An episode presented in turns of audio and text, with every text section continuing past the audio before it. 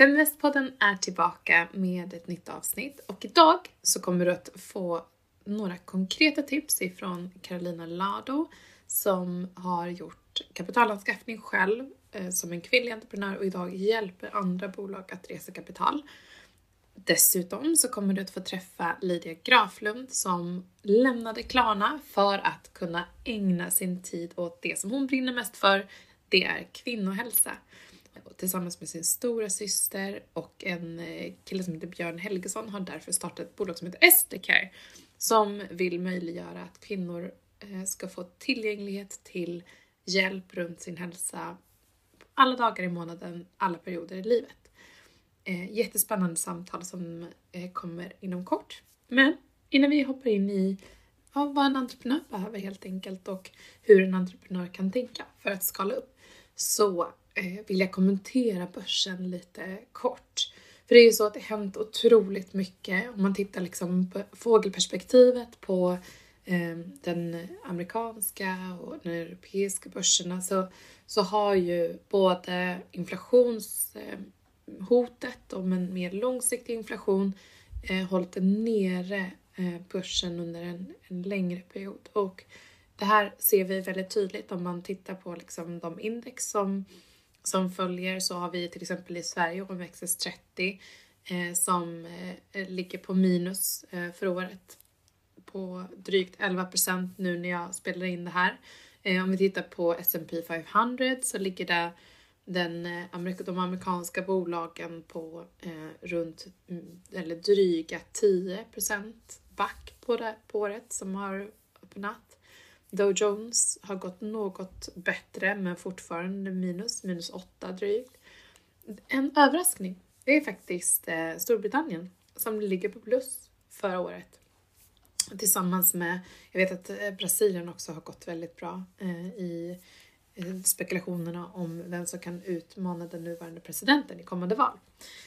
Så att det finns några eh, bolag som fortfarande har levererat och, och fortsatt att ge eh, positiv aktiekursutveckling. Eh, men det är väldigt mycket osäkerhet framåt och det som man pratar mest om just nu det är ju den pågående konflikten i, i eh, Ukraina och mellan Ukraina och Ryssland primärt, men där ändå många internationella aktörer är med. Men man ser i alla fall på indexet att den svenska, de svenska bolagen drabbas hårdare hittills än vad de amerikanska bolagen har gjort eh, av den här konflikten. Så eh, det senaste nytt som hänt där, det är ju att Ryssland erkände utbytarrepublikerna Donetsk och Luhansk i östra eh, Ukraina och därefter så enades då EU-länderna men även andra länder, USA, Japan, Kanada bland annat, om att man skulle införa sanktioner mot Ryssland och nu ligger debatten på hur kommer de här sanktionerna att påverka eh, Ryssland egentligen? Och dessutom så tittar man på vad kommer hända i och med att Tyskland nu har sagt att man inte kommer gå vidare med samarbetet för att få gas ifrån Ryssland Eh, genom Nord Stream 2. Och här så finns det eh, väldigt många osäkerhetsfaktorer. Dels så har energipriset gått upp redan väldigt kraftigt. Kommer det att fortsätta att göra det? Vad kommer hända om det blir ett, eh, ett, ett, en stor väpnad konflikt i området? Hur kommer det här påverka de omkringliggande länderna? Eh, ja, det, det, kommer hända väldigt mycket innan nästa poddepisod. Ehm, men en liten kort uppdatering i alla fall. Jag vet också att det är många som eh, kontaktar oss och frågar om man ska sälja sina fonder exempelvis. Och jag skulle säga att ehm, det, ehm, det är alltid något som man måste utvärdera själv. Men den här typen av situationer är ofta, resulterar ofta i att man säljer på fel tillfälle. Det vill säga när det har backat, vilket det har gjort i år. Eh, så att ha koll, lyft blicken, fokusera på vad du investerar och sparar till. Har du en liksom, tioårig sparhorisont, nej men fortsätt att investera och se det som en möjlighet att komma in på en lägre nivå. Det, om det är ett kortsiktigt sparande så, eh, så kan det vara så att det, att du behöver revidera vilken risknivå du har och hur du, hur du månadssparar. Men ett månadssparande är toppen eh, när det sker så mycket i förändring eh, hela tiden så som det gör nu. Det är faktiskt så att nu på måndag den 28 februari mellan 12 och 13 så bjuder vi in på Feminvest till alla som vill att vara med och eh, prata aktier eller ställa frågor om sitt, sitt sparande, sina fonder och sådär. Gå med i Feminvest, bli medlem Eh, och eh, så kommer du att få mer information. Och det finns även i en Facebookgrupp där du kan eh, hitta lite mer information om vart du behöver logga in för att kunna vara med i vårt aktiesnack. Och det här kommer vi göra varje måndag framåt så en perfekt möjlighet för dig som faktiskt vill ställa konkreta frågor om dina investeringar och det här tror jag också kan resultera i att fler blir inspirerad och får lära sig någonting. Så varmt välkommen dit! Nu tycker jag att vi eh, går över till eh, veckans tema blir, nämligen att resa kapital som entreprenör.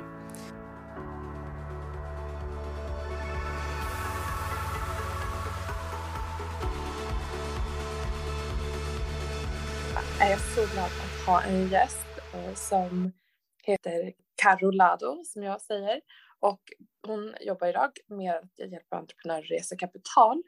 Och vi träffades ju Karo för ja. några år sedan, eller hur? Det stämmer. Vad roligt att du är här. Hur mår du? Jag mår jättebra. Tack snälla för att jag får vara med. Känns superkul. Ja, alltså du är ju lite av en stjärna när det kommer till att resa kapital. Så till den grad, för den som lyssnar, att Karo var eh, en av de första, eller till och med den första kvinnliga entreprenören som fick hjälp av ett bolag till att resa kapital och gjorde det framgångsrikt. Så till den grad att den, det bolaget som hjälpte henne att resa kapital sa vi vill anställa dig. Vilket betyg Karo! Ja, det var ganska lustigt då. Jag visste inte riktigt hur jag skulle ta det heller, men ja, det var ju faktiskt min väg in i finansbranschen. Mm. Och det var där vi möttes också, för vi, jag var ju också precis ganska ny i finans så att säga. Ja, jag var ny och eh, jag märkte ganska snabbt att det fanns inte så många tjejer i finansbranschen och eh, jag sökte ju, började leta lite grann sociala medier efter vem är som jag, vem jobbar som jag, vem skulle jag kunna nätverka med och så sprang jag på dig. Och så mm. rätt snabbt så bokade vi lunch och sen har det varit liksom, sen har vi hängt efter dess, känns superroligt. Mm. Vi gjorde bland annat ett jättehärligt event eh, ja. som blev typ fullbokat på, jag vet inte, två sekunder. Jag, mm. eh, med, med fokus på att eh, liksom både sätta entreprenörer i spotlighten men också eh, prata om liksom, hur vi kan hjälpa varandra framåt. Det stämmer Mikaela. Jag, jag märker ganska snabbt att eh, de bolag, bolagen som vi hjälper resa kapital till, det är ju bara manligt ägda bolag. Och så tänkte jag så här, om jag skulle kunna göra någon skillnad så skulle jag vilja hjälpa fler tjejer att hitta kapital, investmentkapital. Eh, jag hade ju ingen aning om att eh, man kunde göra på det här sättet, utan jag trodde att man var beroende av bankerna. Eh, och ehm, ja, så, så pratade vi ihop oss, du och jag, vi hade lite samma vision och så skapades det här eventet då. då.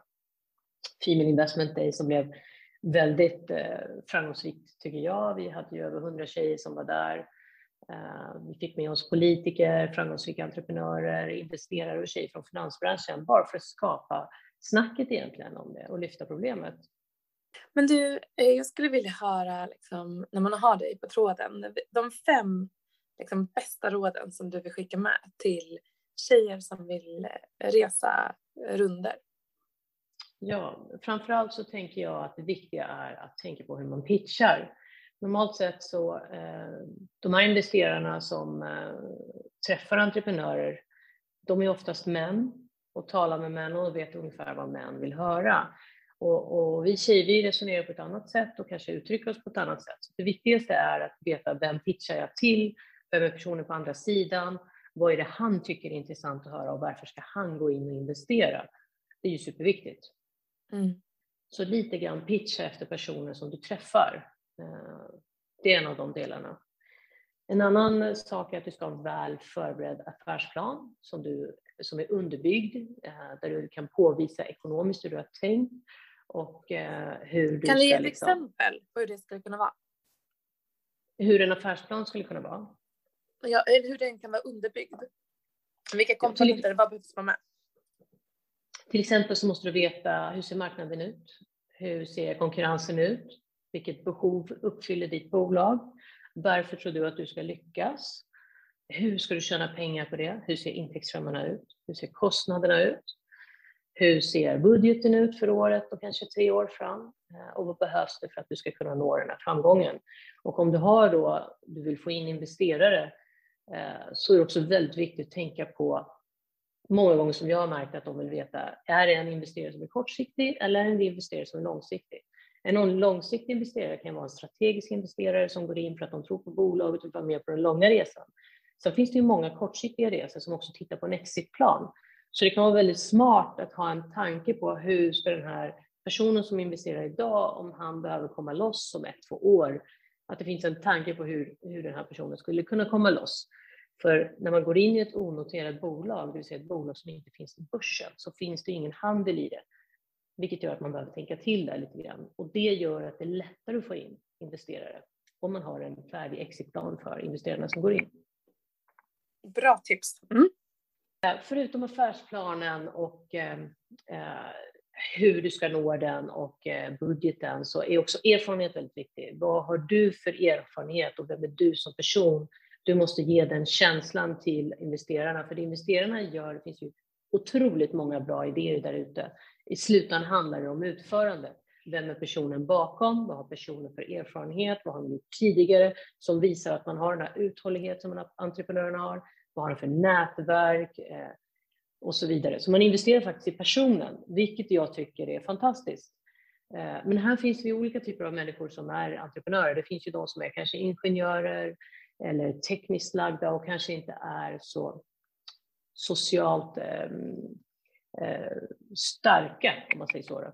Så därför är det otroligt viktigt att om du själv känner att Nej, men jag kan inte sälja in mitt företag, om du har en partner då, som kanske kan pitcha din, ditt företag. För det är viktigt att det är personerna som står bakom. Men det är också viktigt att veta att den biten är otroligt viktig. Så är det så att du kanske jag skulle säga, Jag skulle säga att den är nästan än viktigare i Sverige för att det är så litet land så att man har mer, ja. man gör mer kontrollerade rörelser både med sina investeringar man liksom går lite med strömmen så att säga. Det är ju lättare, det ser man ju i de här eh, serierna som nu trendar, både den här Tinder, Swindler och mm. eh, Inventing Anna. Jag vet inte, har, har, du sett någon av dem? Ja. eh, nej, men jag har sett Inventing Anna och jag sett, såg jag faktiskt häromdagen. Eh, wow. Och det, det går ju inte riktigt på samma sätt i Sverige för att vi, vi, det är lite mer begränsat. Man går som du säger, man måste veta vem eh, och positionera sig som rätt person för bolaget och det, det har man ofta, man har ofta sprungit på varandra i, mm. i Sverige än vad man har gjort i, ja, i New York då som exempel. Och framförallt kan man ta fram en konkurrent som har gjort eh, en, konkurrent som är väldigt lik en, som har gjort samma resa och man kan visa på vad den konkurrenten har växt i omsättning och vad som har hänt när den konkurrenten har fått investera och hur man särskiljer sig och varför man tror att man är bättre än den konkurrenten. Det är ju ett sätt att underbygga sin tes, liksom att det är troligt att det här kommer gå bra för det har gjorts tidigare. Mm. Eh, det är också ett väldigt bra sätt och det visar också att du är påläst och har koll på vad som finns ute på marknaden. Det, är också, det talar också om vad du är för person. Mm. Jättebra tips. Um, hade du något mer? Nej, jag tror också att eh, många investerare tittar på hur mycket pengar går du in med själv? Hur mycket har du själv investerat? Eh, för att man resonerar som så här som investerare, det är eh, om du som person, som entreprenör har gått in med väldigt mycket pengar själv, ja, då sätter man sig i samma båt som investerarna. Har du själv inte gått in med mycket pengar och vill ha investerarnas pengar, då känner de så här, ja, fast du har inte så mycket förlorat på att det går dåligt. Jag förlorar däremot jättemycket om jag går in i ditt bolag. Så man vill gärna se att investeraren att entreprenören själv går in med mycket kapital för att visa att nej, jag satsar ju allt jag har och äger. Så mycket mm. tror jag på min idé, för det, det, det, visar att du tror på din idé. Då är det också lättare att få med sig entreprenörer. Eller investerare, förlåt. Mm, verkligen. Vad skulle du säga är det vanligaste felet då som eh, entreprenörer gör? Av de här du har nämnt då kanske?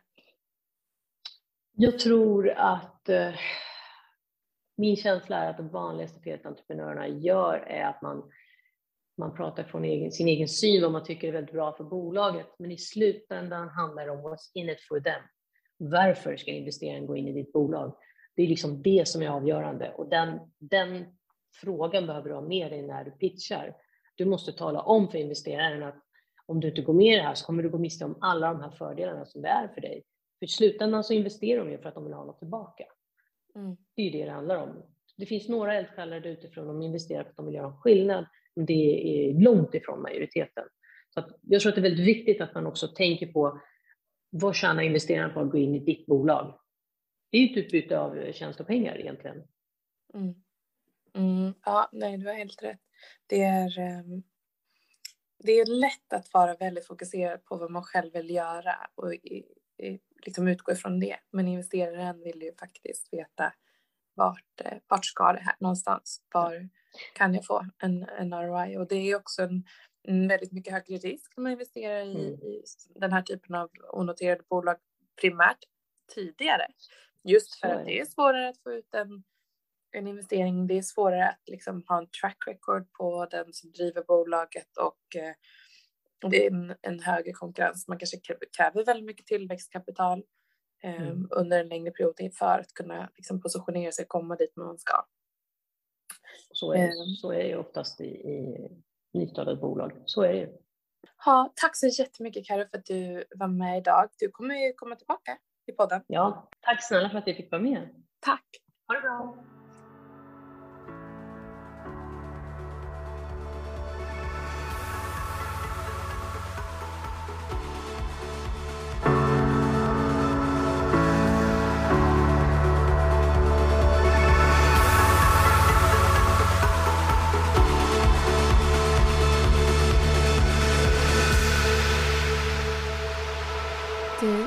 Idag mm. är Feminvestpodden på vift. Ja.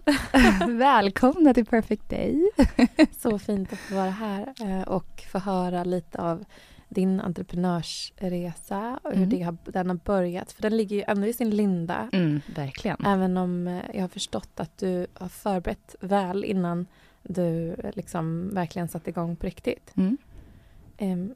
Men du har ju en bakgrund, Lydia, i en liksom e-commerce, eh, jobbat med liksom techplattformar som har varit väldigt framgångsrika. Om det har varit en e-handelsplattform eller någon annan form av betallösning eller liksom så. Mm. Eh, hur, hur kom den här vändningen till? Ja du, Mikaela, den, eh, den kommer nog ifrån, den är nog eh, it was coming, so to speak, tror jag, eh, för mig. Ehm, den är framförallt grundad i vad jag vill göra med mitt liv. Eh, vad jag känner är viktigt för mig. Och att den är nästan grundad i en existentiell fråga för mig som person. Och jag tror att... Men hjälp vilken skillnad det gör i att gå till jobbet på morgonen. Ja. Det är A och O. Och jag tror att eh, många kan nog känna igen sig i det att man, om man brinner på riktigt för det man gör eller man faktiskt känner att det du gör spelar någon roll. Um, eller så kan folk känna igen sig i det vid olika tillfällen i livet. Det behöver inte alltid vara att du behöver känna så. Det kan ju liksom variera beroende på vad du tycker är viktigt just nu i ditt liv. Um, men jag tog examen från Handelshögskolan för, vad blir det nu, sju, åtta år sedan, någonting sånt. Eh, och har jobbat då inom e-handel och sen så gick jag in i tech och jobbat inom fintech och har ju lärt mig så, så mycket saker. Eh, och fått jobba med jätteroliga saker och jätteduktiga och kompetenta människor som, har, som jag har lärt mig väldigt mycket ifrån. Men någonstans under den här resans gång har jag nog alltid känt lite att det skaver. Jag har liksom inte hittat att det här bryr jag mig tillräckligt mycket om för att jag skulle vilja lägga all den energi och ambition jag har in i det på det sättet som gör att det här tickar för mig. Liksom. Um, och jag tror att alla de erfarenheterna har nog ändå lett fram till där vi är idag. Uh, och det är jag jätte, jättetacksam och glad för. Jag tror inte att vi hade, jag hade nog inte satt igång med det vi gör idag om inte jag hade fått möjligheten att vara med på de andra resorna som jag har varit med på och kunna tagit med mig allting som jag lärt mig från de resorna. Men eh, Nu rör sig min hund här bredvid. Ja, han knorrar Eh, lite. Han knorrar lite. Han bara, jag är ju också lite i fokus. han, Jag är han också mycket viktig. Jag är också Han- existentiell. Exakt, det är han verkligen. Han är existentiell för mig. Han, eh, han är med varje dag. Ehm, nej men jag, jag tror att man... Nej, men så du, du såg att den här förändringen kommer, eller det, det är någonting som du bara, du skulle kliva in i, mm, men du visste kanske inte på vilket sätt eller så? nej en men jag, jag visste nog eh, att jag ville driva någonting eget. Men jag visste också att det behöver vara någonting som jag bryr mig väldigt mycket om. Och det här ligger mig väldigt nära om hjärtat. Så Hur kommer vi, det sig då? vad- Hur kommer det sig att, eh, att höja kvinnors livskvalitet ligger nära om hjärtat? Det är ju för att det handlar ju mycket om en själv. Om sina vänner, om sin mamma, om sina systrar. Jag kommer från en familj med fem systrar, vi är sex tjejer i vår familj. Ehm, det kommer nog från eh, medmänsklighet och att man känner att man på riktigt kan bidra till en positiv förändring. Och det, den förmånen är inte så lätt att, att hitta. Alltså att, hur, hur ska du göra det? På de bolag som jag till exempel har jobbat i, de miljöer jag har jobbat i innan, man har ju alltid såklart bidragit till jobbet och, och liksom positiv utveckling, men har det för dig i dina värderingar lett till att du känner att det leder till en positiv förändring i det du tycker är viktigt? Det är väl nog det som jag har ställt mig frågan i alla fall. Och Mm. eh, jag tycker att det här tickar alla de boxarna. Mm, och jag ska säga att jag känner igen mig så mycket. Mm. För det jag får göra också eh, är något som jag inte visste när jag började jobba med Feminvest att det var existentiellt. Mm. Eh, ett oerhört fint ord att liksom använda i sammanhanget. Men det, när jag har fått möta människor, igår hade vi en liksom, digital kom igång och började investera i aktieklubb för Mm. 50 plus kvinnor. Eller eh, när man har hjälpt, vi har hjälpt nio entreprenörer hittills att resa kapital. Mm. Em, en bråkdel liksom i, liksom, av alla entreprenörer som behöver så att de söker kontakt till med oss också Mm. och vill ha kapital. Mm. Men ändå så här, den skillnaden man får göra Mm. är, betyder så himla mycket. Mm. Eh, och eh, det är, ja, den motiveringen att gå upp varje dag och liksom engagera sig tar bort liksom allt så här småstök Mm. som man annars upplever på en arbetsplats som man Ja, du vet, eller som alla arbetsplatser kanske har någon form av... Liksom, det, ja, Såklart, så det, är det ju. det är otroligt. Mm. Eh, men för den som då inte har fått eh, förstått vad det här bolaget är, för vi kommer direkt in Eller vem på... jag är. Ja, exakt. Ehm, eh, kan inte du berätta om Estecare som Mm. är en, eh, en, eh, en tjänst och en, en, en techplattform Mm. och en, en eh, mötesplats för kvinnor eh, med frågor och tankar och som behöver hjälp runt sin hälsa. Mm, exakt. Vi, jag kan börja lite från början kanske. Vi har ju startat då Gynpodden eh, och det är därför vi sitter på Perfect Day, för det är vårt produktionsbolag. Så jag brukar sitta här och podda och jättekul att få vara med i er podd idag. Eh, som handlar just om vetenskaplig information om kvinnokroppen. Eh, och sen så har vi då SDCare som är just precis som du säger en, en teknisk plattform Ehm, som eh, är just nu uppdelad i två produkter. Här har vi en större vision för bolaget, vad, vad det kommer att kunna bli. Vi håller på att bygga dels en kunskapsbank för att kunna utbilda kvinnor och män inom vetenskaplig information, inom kvinnovård och hälsa. Och där går ju Gynpodden in i det ganska mycket. Eh, för det är precis det som den podcasten gör också. Eh, och sen så bygger vi eh, mötet mellan patienten och gynekologen och barnmorskan och andra specialister som vi vet kommer kunna göra skillnad inom kvinnovård. Eh, och allt det här började ju egentligen eh, med eh, min stora syster. Vi är tre stycken som har grundat det här bolaget. Det är jag och sen är det min stora syster Helena. Och sen så har vi en medgrundande CTO som heter Björn också. Och eh, det började med att hon var gravid under pandemin med lilla Ester. Namnet Mm. kommer inofficiellt från Ester. Eh, och behövde, hon är specialistläkare på Danderyds kvinnoklinik och inom gynekologi och obstetrik. Och hon behövde lägga om sin klinik från att vara fysiskt till digital, för man visste inte hur covid skulle påverka fostret. Och det som hände var väl egentligen två saker när hon gjorde det. Det ena var att kvinnorna uppskattade det otroligt mycket. Att med alla sina problem eller med små bebisar där de har olika typer av problem eller bara har en checkup efter att du har gått igenom en förlossning istället fick ringa och prata med Helena istället för att behöva sätta sig på bussen eller på tunnelbanan och ta sig in till Danderyd och sitta i väntrummet på att få komma in och prata med läkare alltså, Jag kommer ihåg det där, speciellt det första barnet, där stressen av att komma iväg till de där besöken. Ah, som jag, inte ens är en fysisk undersökning, utan det är att rådge med din läkare. Eh, så det var det ena. Och det andra var att hon som ganska ändå traditionell läkare insåg hur mycket man kunde hjälpa kvinnor med utan att behöva göra en fysisk undersökning, det vill säga att man kan hjälpa med genom digitala medel.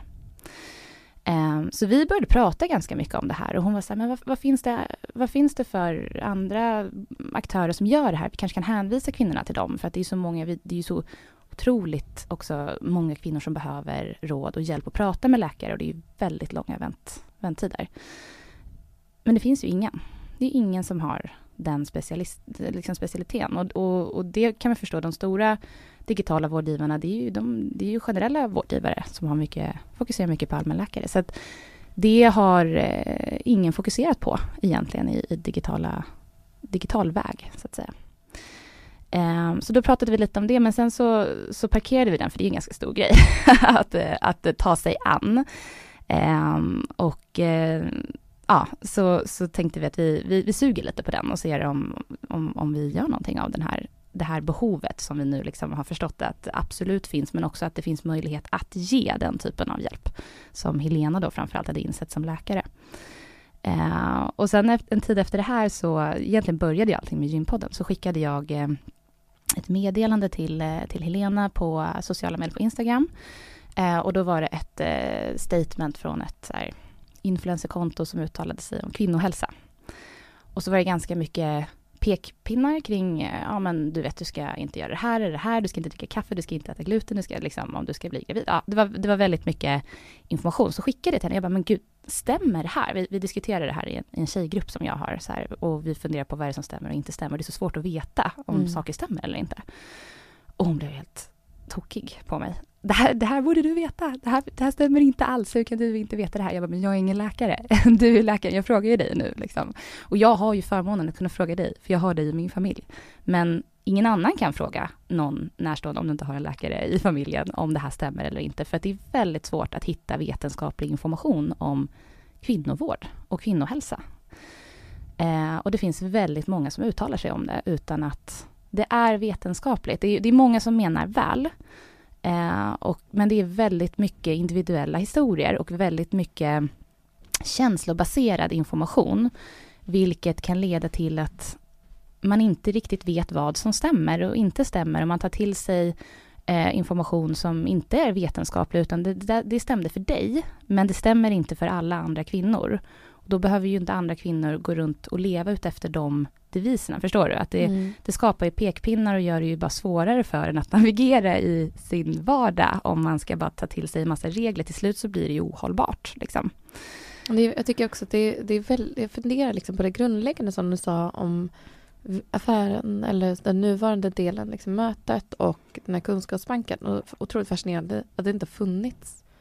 Alltså man har 1177, det är mm. det mm. man har att förhålla sig till. Och det är en del, mycket bra information och så, men eh, det är ju så generellt och eh, mm. det behövs ju väldigt mycket mer. Mm.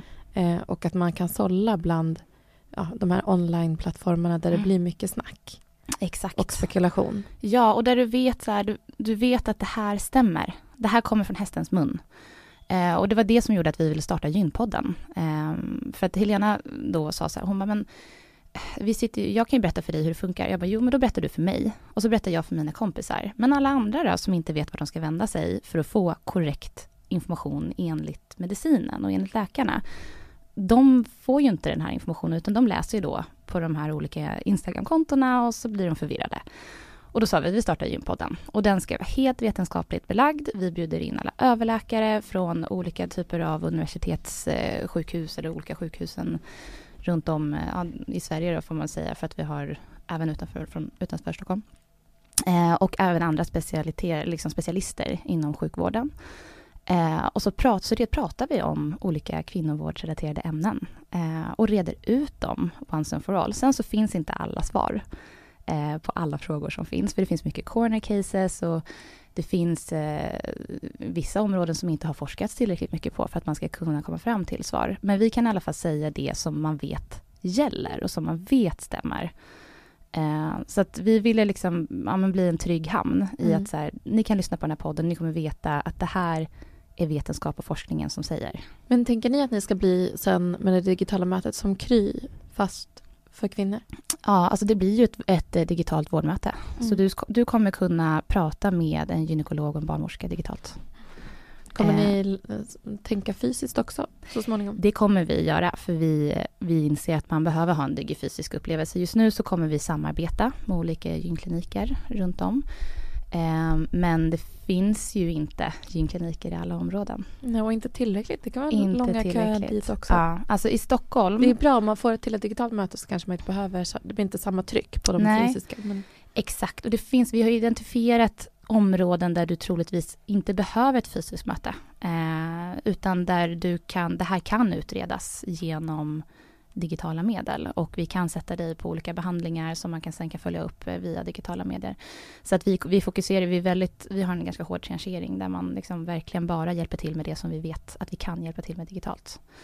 Eh, men det jag skulle säga var att vi lever ju i Stockholm, du och jag, och även här kan man ju uppleva att det är svårt att få gyntider. Att det, det ja, kan ta flera veckor, ibland månader att få en gyntid. Men norröver och söderöver, där är det ibland omöjligt. I Östersund så berättade Sveriges Radio precis att det är två års väntetid för att Mm. komma till kvinnokliniken. Två år! nej, det är helt otroligt. Och vi får ju... Jag kommer ihåg, eh, nu, har det, nu har det inte med kvinnohälsa att göra, men vi var i sommarstugan i somras eh, och så svalde jag San Pellegrino-dricka, så bubblig, Mm. eh, liksom lite syrlig. Och det var en geting, eller bi, som Mhm. jag svalde. Jag Mm. kände det med en gång i munnen, så jag spottade ut det, men han sticker mig i munnen. Mm. Och då när man går in på 1177 så står det liksom Åk in till akuten Mm. eller så här, för det kan, om det svullnar upp så kan det svullna upp om det är någon som sticker, som sticker i munnen. Eh, och eh, jag tänkte på det då för första gången för att bo i Stockholm, eh, liksom strategiskt lägenhet placerad mellan Karolinska och Sankt Göran och alltså det är ett sånt privilegium Mm. att ha den vården Mm. på några steg bort. Fem minuter, tio minuter, liksom att gå nästan. Mm. Medan där så sa hon, okej, men du måste åka in till akuten. Um, okej, eh, jag är liksom två timmar från Mm. närmaste sjukhus. Mm. Alltså så här, det, det vart otroligt påtagligt då Mm. vad många har i sin vardag att förhålla Mm. sig till. Så att, eh, otroligt ödmjuk inför det faktumet. Mm. Så, det gick bra eh, för den som undrar. Ja men, vad skönt ändå, att ja. det gick bra, för Ja. det, det, det låter som att det kan bli jätteakut. Men ändå, ehm, att ehm, ja, ja, jag, jag kan verkligen relatera till att det, det är så eh, sådana utmaningar som Mm. vården står inför. Men ehm, om man då räknar på det här, Mm. eh, liksom marknaden och potentialen, hur tänker ni? Vad ser ni för möjligheter? Um, vi ser olika möjligheter beroende på, på hur man kan utveckla appen. Um, men i och med att ingen har gjort det här tidigare så är det väldigt svårt att veta exakt hur, eh, hur det kommer att gå. Vi håller ju på att bygga den här appen just nu och håller på att rekrytera vårdpersonal. Så vi har ju anställt ganska mycket vårdpersonal redan. Och och eh, kommer gå live till sommaren. Och det ska bli jätte, jättespännande. Men det är jättesvårt att räkna på. Det är det, för att det är ju också ett väldigt underserved område där många kvinnor... Alltså jag läste en, en studie där var fjärde kvinna får inte ens hjälp. Alltså förstår du då att det, det är liksom... Det finns en marknad som inte ens får hjälp om man nu skulle se det ur ett affärsperspektiv. Många kanske inte söker om man inte har tillräckligt stora besvär eller alltså, Exakt. ja. Eh, och, ja, tillgängligheten Ja, men- förändrar förutsättningar. Exakt, och, och, liksom, och effektiviteten i det man kan hjälpa kvinnor med. Att man vet exakt så här, okej, ja men det är det här. Vi vet precis vad det här betyder för att vi har specialister som kan det här. Och vi kommer hjälpa dig på det här sättet. Alltså det är ju det jag tänker. Vad är det eh, vanligaste man söker hjälp för som kvinna? Skulle du säga? Vet du det? Nej, jag vet inte vad det vanligaste är för att vårdsystemet är så fragmenterat. Så det är väldigt svårt att säga exakt vad det är kvinnor söker hjälp för. För att dels så har du ju specialistvården, i, vi har ju 21 regioner i, i Sverige. Alla bedriver vården helt annorlunda från varandra. I Stockholm så har vi kvinnovård inom specialistvård, du har gynkliniker och dit, dit går ju kvinnor med sina problem. i andra regioner så ligger mycket av kvinnovården i primärvården. Då får du gå till en vårdcentral och gå till en allmänläkare som ska hjälpa dig med dina klimakterieproblem och så kan de ingenting om det. Så får du gå hem. Så får inte du någon hjälp. Vi har gjort jättemycket användartester på kvinnor för att förstå vad behoven är, vad de behöver hjälp med. Eh, och det är otroligt många fall där vi har fått höra det. Att det finns ingen hjälp att få, till exempel klimakteriet. Mm. Som alla kvinnor kommer gå igenom. Mm. Och det kan vara en tioårsperiod av en berg och dalbana där du mår fruktansvärt dåligt och det finns behandling att få. Men i och med att det hamnar i primärvården så är inte läkarna specialiserade på det och då har de inte riktigt den kunskapen och tycker att det är, ja, inte alla då såklart, men i de fallen där vi har intervjuat kvinnor så, så har läkarna tyckt att det har varit eh, besvärligt då att behöva ta emot den typen av patient, för man vet inte exakt hur man ska hantera dem. Mm. Om man då ser liksom internationellt, finns det någon annan aktör som har har gjort det här? Mm. Det gör det. Det finns eh, en, ett bolag som heter Maven Clinic i USA eh, som bedriver kvinnovård. Där ser ju, det är ju också sjukvårdssystemet ser ju väldigt annorlunda ut. Dels i Sverige men också i resten av världen per land. Så där är det ju, eh, där går man ju till företag. Där är det ju företagshälsovård. Eh, och sen finns det ett bolag som heter Peppy Health i, i, i UK också som bedriver det. Men det är ju inte, vi är ju i framkant överlag när det kommer till digital vård i Sverige och, och med techbolags eh, innovationer. Eh, så det är ju inte jätte, jättemånga bolag som gör det här. Mm. Eh, vad har ni då, utöver lanseringen, vad blir liksom de nästa stegen att följa för er? Eh, Som du kan dela med dig av. Ja, exakt. Inga Nej, men- nej men precis. Eh, nej men det blir en lansering eh, framåt sommaren här och då, då kommer vi nog göra en soft launch och, se till så att, eh, att det funkar som vi vill och eh, ser, eh, ja, testa på lite hur, hur det fungerar helt enkelt för att det, vi vet inte beteendemönstren, hur de kommer förändras när det här finns digitalt helt enkelt för kvinnor. Men sen så kommer vi, planerar vi att göra en ny investeringsrunda. Vi tog ju in vår första investeringsrunda i höstas. Då tog vi in ganska stort, 12,5 miljoner i en pre-seed-runda. Så kommer vi att eh, ja, ta in en ny, en ny runda i, senare i år. Så det är väl det som är planen. Mm. Mm. Eh, och eh, vad, hur man ser på liksom vad kapitalet används till.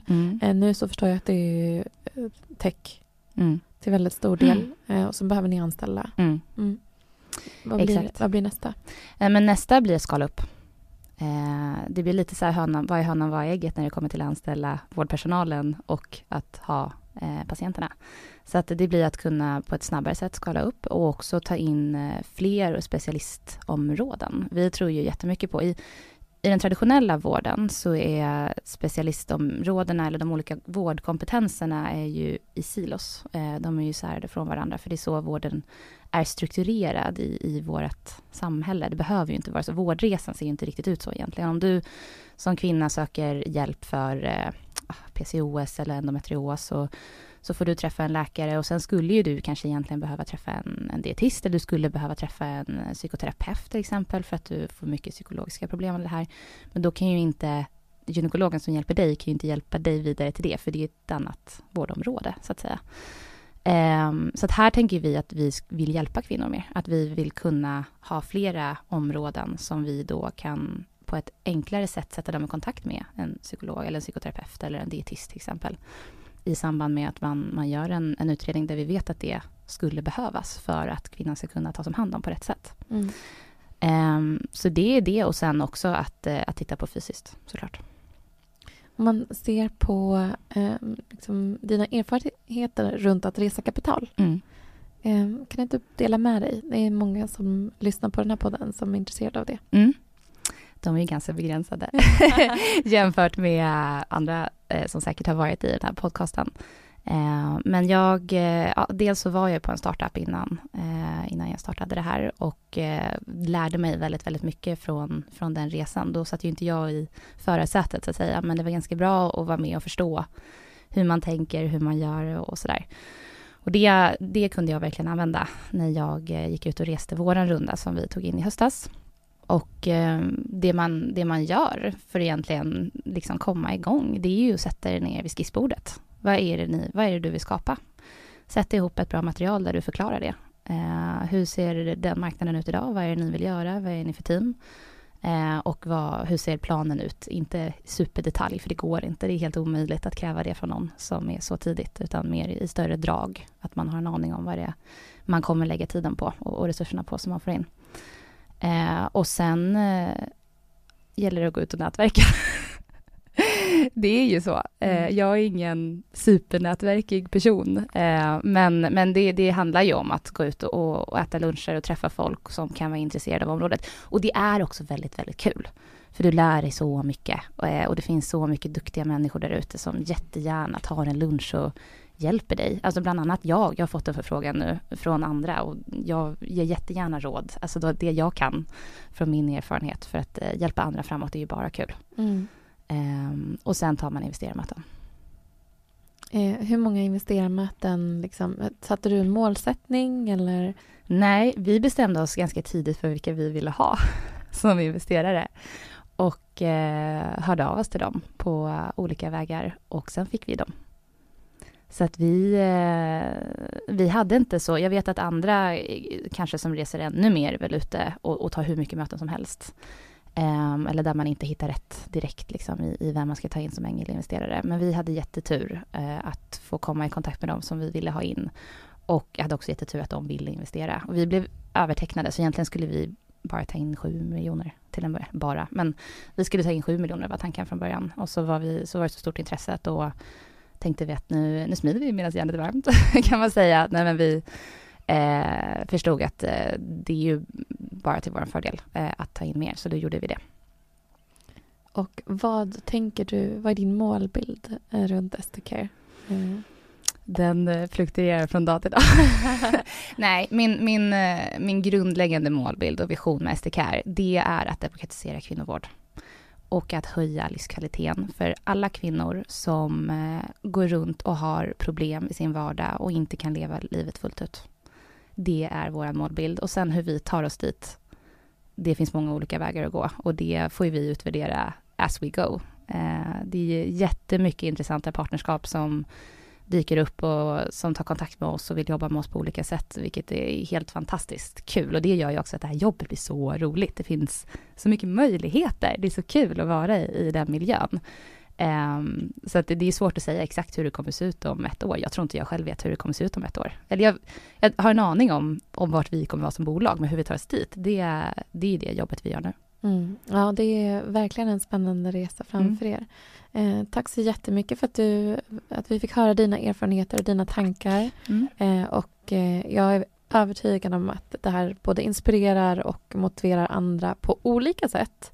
Eh, både när det kommer till liksom hälsa, att man kanske hör av sig till er, den, den som lyssnar, men också runt eh, företagande och eh, där det också är, ja men du är en, en procent, mm. representerar du, ja. när det kommer till riskkapital, eller hur? Ja, så är det. Det behöver bli mer. Det behöver ju det. Det kommer bli mer. Jag sitter på Norrsken och det är mycket kvinnor där. Jag känner mig inte ensam. Jag känner mig väldigt ensam i, tech, alltså i den techsfären som jag befann mig i innan, som kvinna.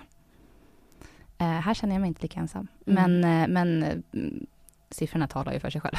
Ja, exakt. Så men är det ju. Jag är också övertygad om att det kommer en förändring. Mm. och det, är bara, det tar bara tid. Och problematiken just nu är ju att om då 99% går till manliga entreprenörer så mm. blir det väldigt svårt för den där en procenten att visa att man är värt att investera i. För mm. man, I slutändan så handlar det om liksom ROI, eller mm. vad, man, vad blir liksom resultatet av den här investeringen. Mm. Och där så vet man ju att när man investerar i tidigt stadium så är det kanske en av tio liksom, som blir framgångsrikt, Exakt. som man räknar på. Mm. Så det är det som blir en utmanande kalkyl mm. som eh, liksom kräver alldeles för mycket tid. Ja. Det blir ju ett skevt statistiskt underlag för fail-raten, så att säga. Exakt. När det inte är lika många på, i båda grupperna. Mm. Eh, men jag, jag, håller med dig. Det, mm. det kommer en, en, förändring. Det tror jag. Och vi eh, får vara en del av det på mm. olika sätt. Det är jättekul. Ja, tack så jättemycket och lycka tack, till nu. Tack så jättemycket.